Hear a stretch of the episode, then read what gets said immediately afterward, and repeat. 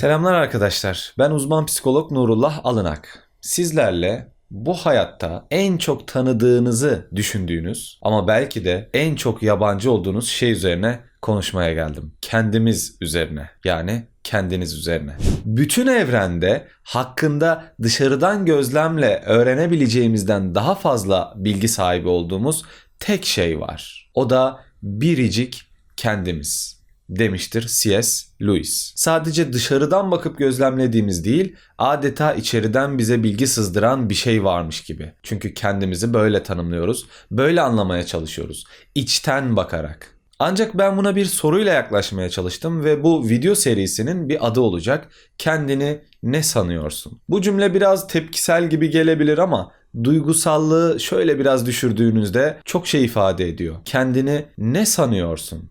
Gerçekten de kendimizi ne sanıyoruz ki? Acaba kendimiz hakkında konuşmaya başladığımızda ne kadar doğru konuşuyoruz? Aslında vurgulamaya çalıştığım şey bu. Çünkü kendimizi bildiğimizi veya bilmediğimizi söyleyemiyoruz tam anlamıyla. Ve ben de kelime seçerken çok zorlandığım, bilmek ve bilmemek arasında kaldığım durumda sanmak kelimesini kullandım. Çünkü kendimize dair illaki bir şeyler biliyoruz ama çoğu şeyi bazen bilmiyoruz. O zaman bu bilmediğimiz şeyleri zanlarla doldurmaya başlıyoruz. İnsan kendini ne zannediyor, kendini ne sanıyor? Buna biraz daha sosyal psikolojik açıdan bakacağız. Neden sosyal psikolojik açıdan bakmayı tercih ediyorum? Çünkü insan sosyal bir varlık ve kendi dediğimiz şey ki benlikten bahsedeceğiz. Benlik diğerlerinin varlığıyla, diğerlerinin etkisiyle oluşan bir şey. Dolayısıyla diğerleri tarafından kolayca etkilenebilen, değiştirilebilen bir şey. Hayatta bazen öyle durumlarla karşılaşıyoruz ki kendimiz olamıyoruz. Başkalarının beklentilerini karşılamaya çalışıyoruz. Örneğin kendinizi bir metrobüste ya da bir kalabalıkta yürür vaziyette düşünün lütfen. Sahne etkisi dediğimiz spotlight efekti İngilizcesinde de geçen bir etkiye maruz kaldığımızı görüyoruz. Yani sanki diğer insanlar hep bizi izliyormuş gibi. Hepsi olmasa da büyük çoğunluğunun dikkati üzerimizdeymiş gibi. Ve diğer insanların dikkati üzerimizde olduğunda daha hızlı yürüyebiliriz, daha yavaş yürüyebiliriz, olduğumuzdan farklı görünmeye çalışabiliriz, yüzümüzü kapatabiliriz, açabiliriz, onlara daha iyi görünmek adına bir şeyler yapabiliriz.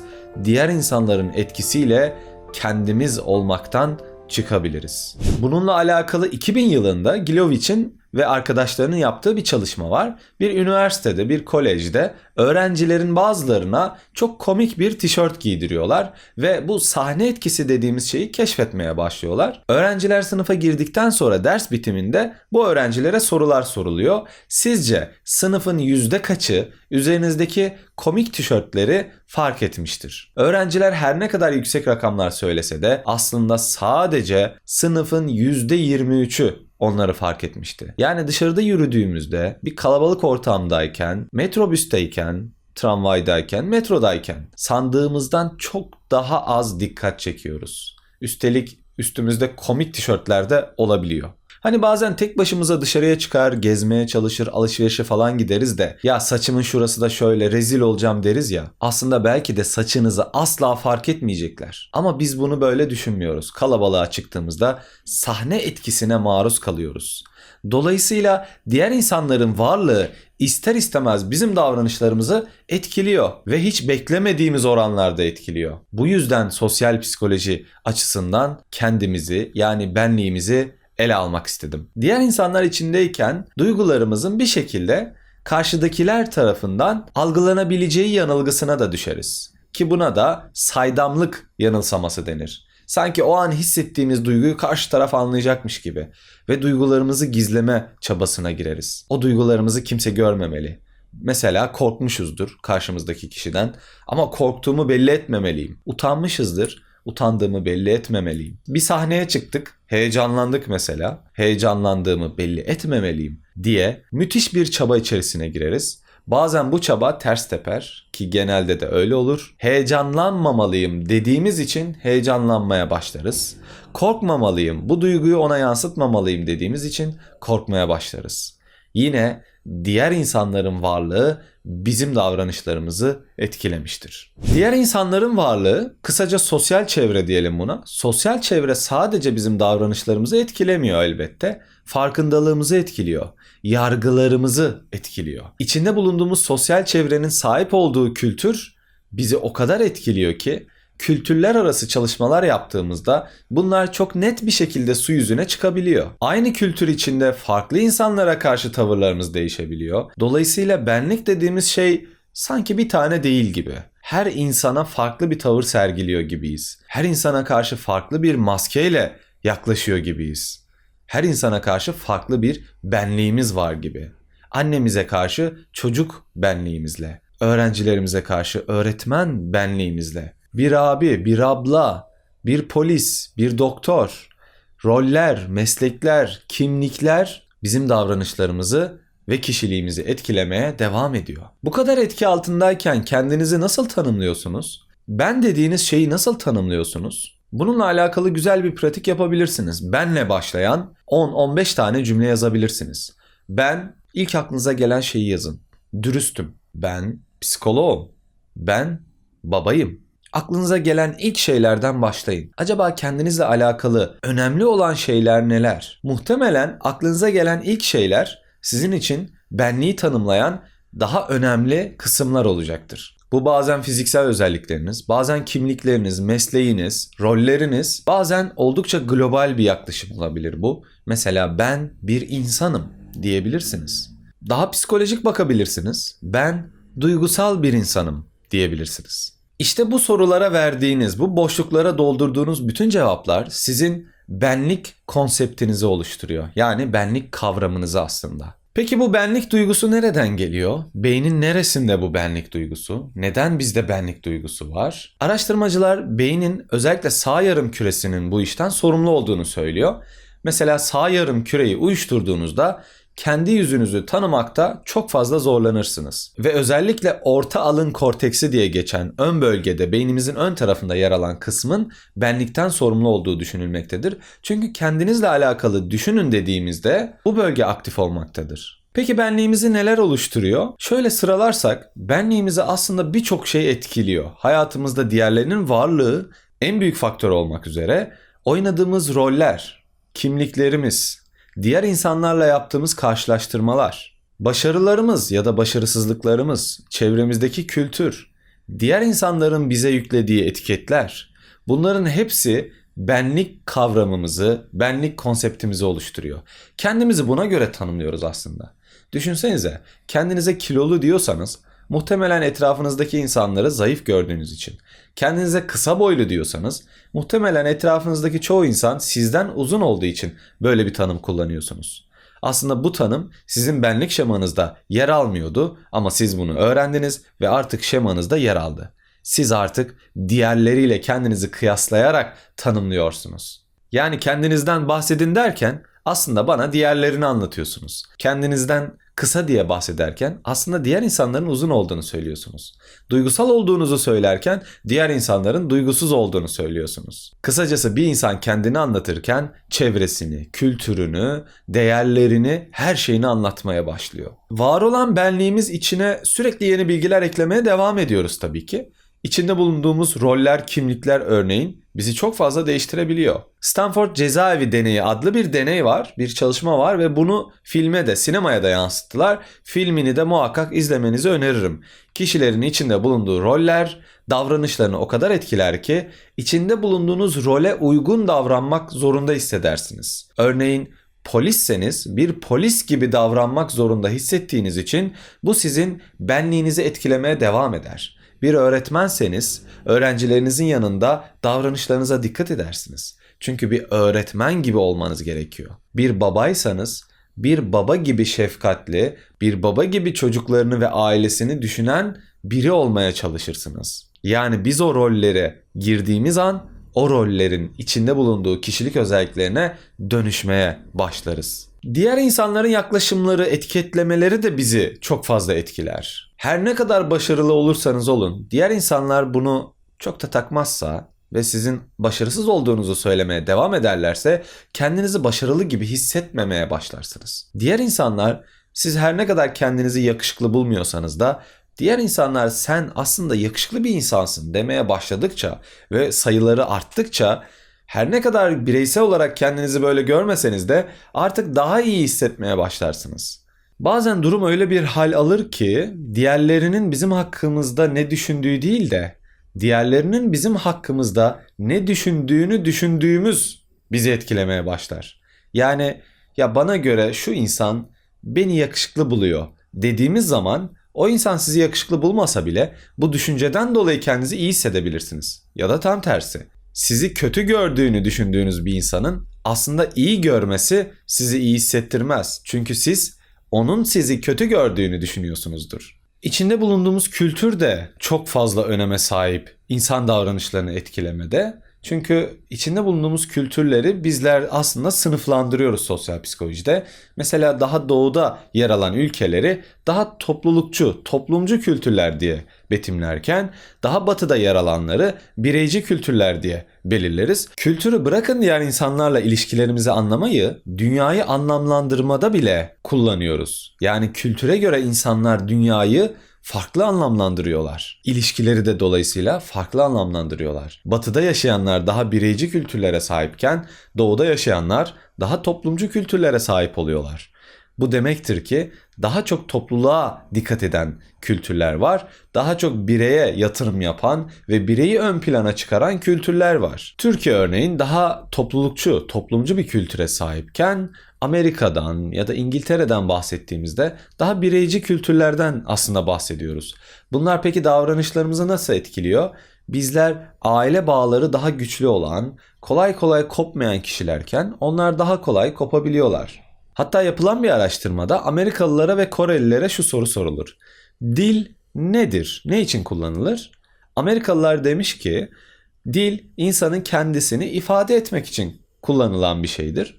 Koreliler ise diğer insanlarla ilişkiyi ve iletişimi sağlamak adına kullandığımız şeydir demişler. İki kültürün bir kavramı tanımlaması bile değişti. Amerika'daki bir genç, bir ergen arkadaşlarıyla sinemaya gittiğinde anne ve babası sorar. Nereye gittin? Sinemaya gittim diyecektir muhtemelen. Ama Japonya'daki bir ergene sorduğunuzda sinemaya gittik diyecektir. Yapılan eylemi bireysel anlamda ifade etmek ve toplumsal anlamda ifade etmek diye net bir ayrıma gidiyorlar. Tabi günümüzde artık kültürler arası geçişkenlik çok fazla olduğu için örneğin Türkiye için Çiğdem Kağıtçıbaşı Türkiye'de aslında ne tam bireyci ne tam toplumcu kültürden bahsedilebilir geçişken ve geçişli bir kültürden bahsetmemiz daha sağlıklıdır demiş. Ancak bu bireyci ve toplumcu kültürler arasında çok ciddi değişmeler oluşmaya başladı. Tabii ki araştırmacılar bunları da tespit etmeye çalışıyor. Örneğin bireyciliğin daha çok arttığını görüyoruz. 80'lerde yapılan çalışmalar ve daha sonra 90'ların sonlarına doğru yapılan çalışmalarda özellikle bireyciliğin ne kadar arttığı çok daha net bir şekilde hayatın her alanından okunabiliyor. Örneğin şarkılarda bile ben kelimesi çok daha fazla geçmeye başladı. İnsanların daha fazla sıra dışı görünme isteği arttı. Hatta bunun en güzel göstergelerinden biri insanlar eskiden daha çok sevilen, daha çok anılan, saygı duyulan isimleri tercih ederken kendi çocukları için şimdi farklı isimler olmak için çabalıyorlar. Yani sıra dışı olmaya çalışıyorlar. Japonlara ve Amerikalılara sadece bir resim gösterildiğinde bu resmi tekrardan hatırlamaları istendiğinde Japonlar resimdeki canlıların ilişkilerini daha çok hatırladığı, Amerikalıların ise tek tek birey birey ele aldığı ortaya çıkıyor. Yani hafızamızı da etkiliyor kültürümüz. Hatırlamaya çalıştığımız şeyi de şekillendiriyor. Peki başka ne olabilir bireyciliğin artmasına sebep olan, insanların çok fazla vakit geçirdiği, düşünmeye çalışın, anlamaya çalışın. Sosyal medya elbette. Düşünsenize Facebook, Instagram artık nerede açtıysanız kendi profiliniz var. Tamamen size özel bir profil ve diğerleri var. Bakın siz bir grup değilsiniz. Elbette bazı gruplarda açılabiliyor ama herkesin kendine ait, kendi şahsına ait özel bir profili var. Yani ben diğerlerinden farklıyım mesajını sürekli bize ileten bir sosyal medyamız var. Bir profilimiz var. İnsanlar daha çok kendi kendine yetebilen varlıklar haline gelmeye başladı. Hatta insanlar kendi ahlak kurallarını belirlemek istemeye başladılar. Bu ifadeler Çiğdem Kağıtçıbaşı'ya ait ve insanların ne kadar bireyci olmaya başladığını gösteren çok güzel çalışmaları var. Özellikle büyük şehirlerde komşuluğun azaldığı, insanların akrabadan, arkadaştan, komşudan, dosttan, herkesten koptuğu ortamların yaşandığı, evlerin daha böyle kutu gibi olduğu, bireysel olmak zorunda kaldığımız yerler bizim daha bireyci olmamıza sebep oluyor.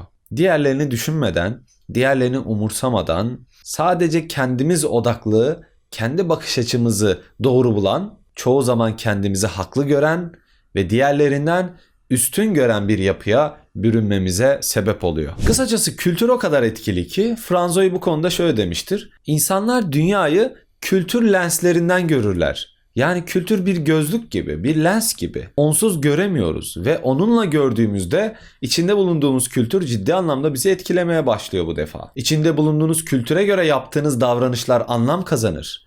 Amerika'da bireycisiniz ve bir protesto ediyorsanız herhangi bir şeyi, topluluğun, çoğunluğun kabul ettiği bir şeye ters bir hareket sergiliyorsanız kahraman bile olabilirsiniz. Ama bunu Japonya'da yaparsanız, daha toplulukçu kültürlerde yaparsanız ilk karşılaşacağınız şey saygı duyulmak değil, muhtemelen dışlanmak olacaktır. Çünkü orada toplumla hareket etmeniz, çoğunlukla hareket etmeniz beklenmektedir. Ama bireyci kültürlerde tek başınıza kahraman bile olabilirsiniz. Bu konuda kültürlerin kendine ait mottoları, sözleri falan bile oluyor. Mesela Kuzey Amerika'daki bir söze göre gıcırdayan tekerlek yağlanır. Yani aksi olan, farklı olan sanki daha avantajlı bir durumda ve bu onu daha iyi bir konuma getirecekmiş gibi bir anlam çıkarılabilir. Japonlar ne der? Uzayan tırnak kesilir. Diğer tırnaklardan farklı bir şekilde uzadıysan kesilirsin. Biz ne deriz peki? Sürüden ayrılanı kurt kapar. Yani diğerlerinden farklı hareket de etme, söz de söyleme, diğerleriyle uyumlu bir şekilde kal. Başka ne geliyor aklınıza? Mesela yalnızlık Allah'a mahsustur. Bu ifadelerin hepsi aslında bizi daha böyle birleşmeye iten, toplumcu olmaya iten şeyler. Bu konuda Hazel Markus'un kendince koyduğu bir gösterge var. Diyor ki kültürler arasındaki farkı görebilmek için spor dallarında kazanılan başarıların nasıl kutlandığına bakın. Mesela futbol oynuyorlar. Amerikalı bir futbolcunun sevindiği ana bakın. Türkiye'li bir futbolcunun sevindiği ana bakın. Muhtemelen Türkiye'li bir futbolcu sevindikten 2 dakika sonra arkadaşlarına sarılmaya koşacaktır. Ama Amerikalılar daha çok seyircilerle buluşmak için kendini ön plana atacak. Belki çok çok uzun zaman sonra gidip arkadaşlarına sarılacaktır. Tabii yine kişiden kişiye değişir bu ama kültürlerin insanlar üzerindeki etkisi oldukça büyüktür. Her ne kadar kültürel farklılıklar olsa da aynı kültür içinde de çok fazla çeşitlilik var. Hatta kültürler arası farklılıktan çok kültür içindeki farklılıklar daha büyük öneme sahip oluyor. Birçok araştırmada genelde buna yönelik. Dünyanın geneline baktığımızda hangi kültür daha çok mesela %70'e yakın toplumcu kültürden bahsedebiliriz. %30'a 40'a yakınını da bireyci kültür diye tanımlıyoruz. Toplulukçu kültürlerde öz saygı dediğimiz şey de yine diğerlerinin yaklaşımına bağlı olarak gelişiyor. Ama bireyci kültürlerde bu kadar diğerlerine bağlı gelişmiyor. Öz saygı biraz daha kişinin kendinde var olan bir şey haline dönüşüyor. Tabii ki yine diğerlerinin etkisiyle oluşuyor ama toplumcu kültürlerdeki gibi değil. Bireyci kültürlerde örneğin kimlikler özellikle grup kimlikleri çok fazla ön planda değil toplumcu kültürlere göre. Toplumcu kültürlerde örneğin kimliğe, grup kimliğine yönelik tehditler sunduğunuzda kişi gerçekten kızabilir. Ancak bireyci kültürlerde grup kimliğine yöneltilen tehditler diğer kültürlerdeki gibi yani toplumcu kültürlerdeki gibi insanları üzmez ve bu kadar kızmazlar. Yine kültür insanların mutluluk tanımlarını ve mutlu olmalarını bile etkiliyor.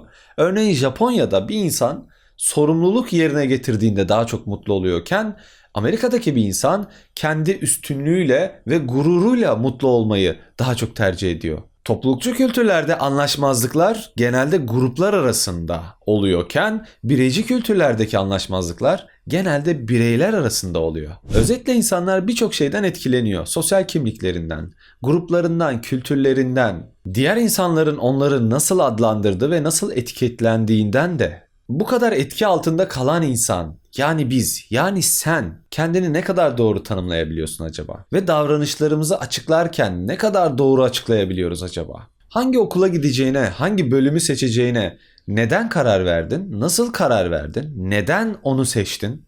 Neden A kişisine aşık oldun da B kişisine olmadın? Neden o arkadaşına o gün tepki verdin de bu arkadaşına aynı şeyi yapmasına rağmen tepki vermedin? İşte bunları bazen biliyoruz, bazen de bilmiyoruz. İşte bilmediğimiz noktalarda yani o sergilediğimiz davranışı, o söylediğimiz sözü tam olarak nedensel bir temele oturtamadığımızda açıklamalarımız genellikle yanlış olur ama biz doğru olduğunu düşünürüz. Bir sabah uyandınız, hava yağmurlu, kapalı. Havanın kapalı olması sizi bazı düşüncelere sevk etmiş olabilir ve bir şekilde o gün hayatın aslında anlamsız olduğunu düşünmeye başlamış olabilirsiniz. Ama bunun asıl sebebi havanın kapalı olması olabilir. Tetiklemiş olabilir. Siz bunun farkında değilsinizdir. Gerçekten de hayatın anlamsız olduğunu düşünüyorsunuzdur o an. Ve bunun gerçek olduğunu da varsayıyorsunuzdur. Kendi davranışlarımızı açıklarken farklı davranıyoruz. Başkalarının davranışlarını açıklarken farklı davranıyoruz.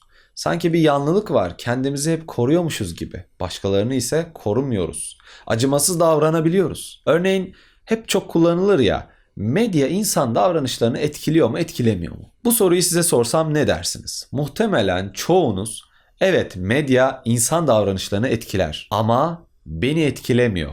Muhtemelen böyle hissediyorsunuzdur. İnsanların çoğu çünkü birçok araştırmaya göre diğer insanların medya tarafından etkilendiğini söyleseler de kendisinin medya tarafından etkilenmediğini söylemektedir. Ama belki de en çok etkilenen biziz. Bu etkiyi fark etmediğimiz için ya yok hayır ben etkilenmiyorum diyebiliyoruz kolayca. Hayatımızın her alanında böyle şeyler var işte. Kendimizi kontrol edemiyoruz. Sebebini ve nedenini kestiremediğimiz şeyleri mantıksal bir zeminde açıklamaya çalışıyoruz. Elimizde olan veri çok az olabiliyor. Sadece bu veriye dayanarak o davranışı açıklıyoruz ama çoğunlukla yanlış oluyor. Peki hala kendimizi tanımlayabiliyor muyuz? Kendinizi ne sanıyorsunuz sorusunu cevaplayabiliyor muyuz? Kendimiz hakkında ne kadar çok şey biliyoruz? Ne kadar öngörü yapabiliyoruz? Neyi tahmin edebiliyoruz? Davranışlarımızı bile açıklayamıyorken geleceğe dair yaptığımız planların bizim üzerimizdeki hissettireceklerini tahmin edebiliyor muyuz? Örneğin bir ilişki yaşıyorsunuz. Ayrılınca ben kesin intihar ederim diyen çiftler oluyor ama intihar etmiyorlar. Ayrılırsam ben kendime gelemem, bu dünyada yaşayamam diyen insanların birkaç ay sonra çok mutlu başka ilişkilerinin olduğunu görüyoruz. Yani insan duygularını tahmin etmede bile oldukça zayıf. Çok kötüyüz bu işlerde. Peki hala soruyorum. Kendimizi gerçekten biliyor muyuz sizce? Kendinizi bildiğinizi düşünüyor musunuz bu kadar şeyi anlattıktan sonra? Tabii bu anlattıklarım henüz hiçbir şey. Daha birçok şey paylaşacağım sizinle. Waterloo Üniversitesi'nde bir araştırma yapıyorlar. İnsanlardan ilişkilerinin ne kadar süreceğini tahmin etmelerini istiyorlar. Yani bir erkek bir kadın bir ilişkide ikisine de soruyorlar. Size göre tabi ayrı ayrı soruyorlar. İlişkiniz ne kadar sürecek? Aynı soruyu ilişkide olan insanların arkadaşlarına da soruyorlar. Sizce ilişkide olan bu arkadaşlarınız ne kadar süre sonra ayrılırlar ya da ilişkileri ne kadar sürecek diye. Araştırma sonucunda şu görülüyor. Arkadaşları daima daha iyi biliyor. İlişkinin ne kadar süreceğini daha iyi tahmin edebiliyorlar. İlişkinin içinde olan kişiler her ne kadar ilişkiyi daha iyi bildiklerini, romantik ilişkide olduğu partnerini daha iyi tanıdığını iddia eden bu kişiler maalesef yanılıyorlar.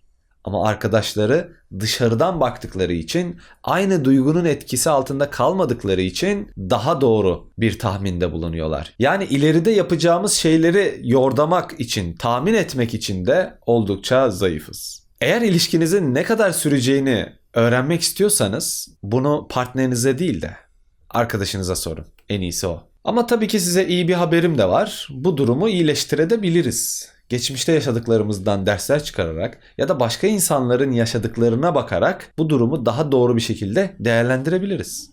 Bu konuda bir Lao Tzu sözü vardır. Bu söze göre başkalarını bilen kişi öğrenmiştir, kendini bilen kişi aydınlanmıştır. Ve insanların çoğu genelde öğreniyor, aydınlanmıyor. Berbat olduğumuz bir şey daha söyleyeceğim.